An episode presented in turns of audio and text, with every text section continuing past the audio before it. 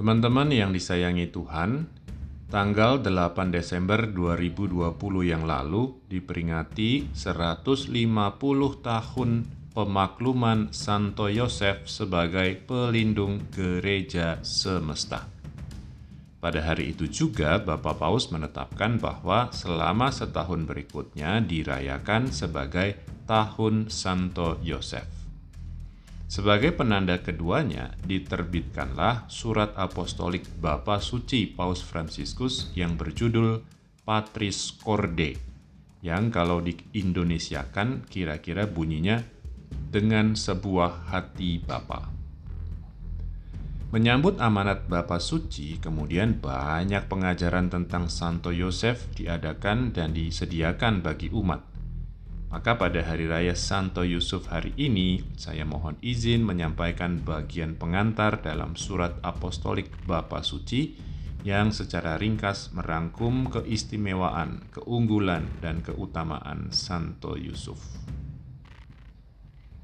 Teman-teman yang terberkati, dengan sebuah hati Bapa, itulah bagaimana Yusuf mengasihi Yesus yang oleh keempat Injil disebut sebagai anak Yosef.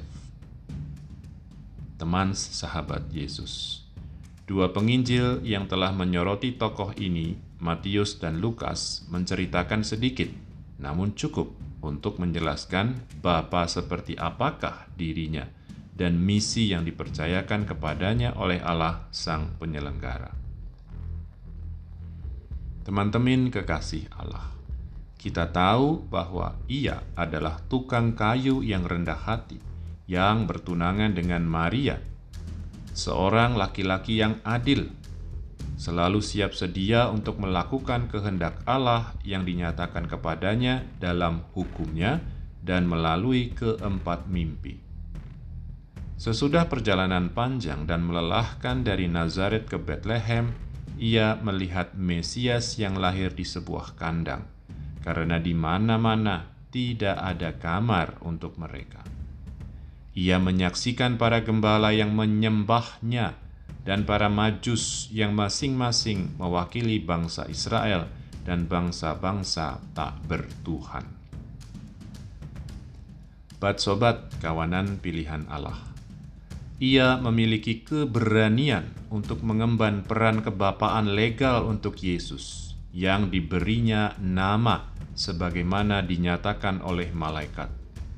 Engkau akan menamakan dia Yesus, karena dialah yang akan menyelamatkan umatnya dari dosa mereka.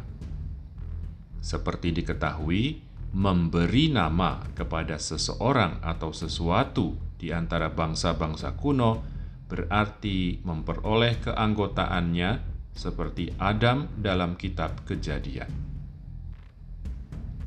Teman-teman yang disayangi Tuhan, di bait Allah 40 hari sesudah kelahirannya bersama dengan ibunya, Yusuf mempersembahkan putranya kepada Tuhan dan mendengarkan dengan takjub ramalan Simeon tentang Yesus dan Maria.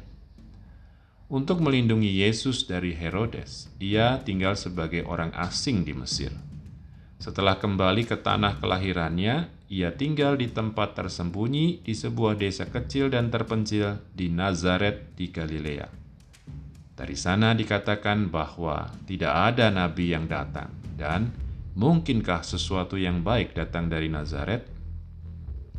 Jauh dari Bethlehem, kampung halamannya, dan dari Yerusalem di mana terdapat bait Allah.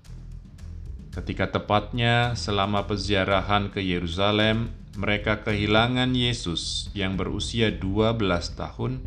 Ia dan Maria mencarinya dengan penuh kekhawatiran dan menemukannya di bait Allah ketika ia sedang berdebat dengan para alim ulama.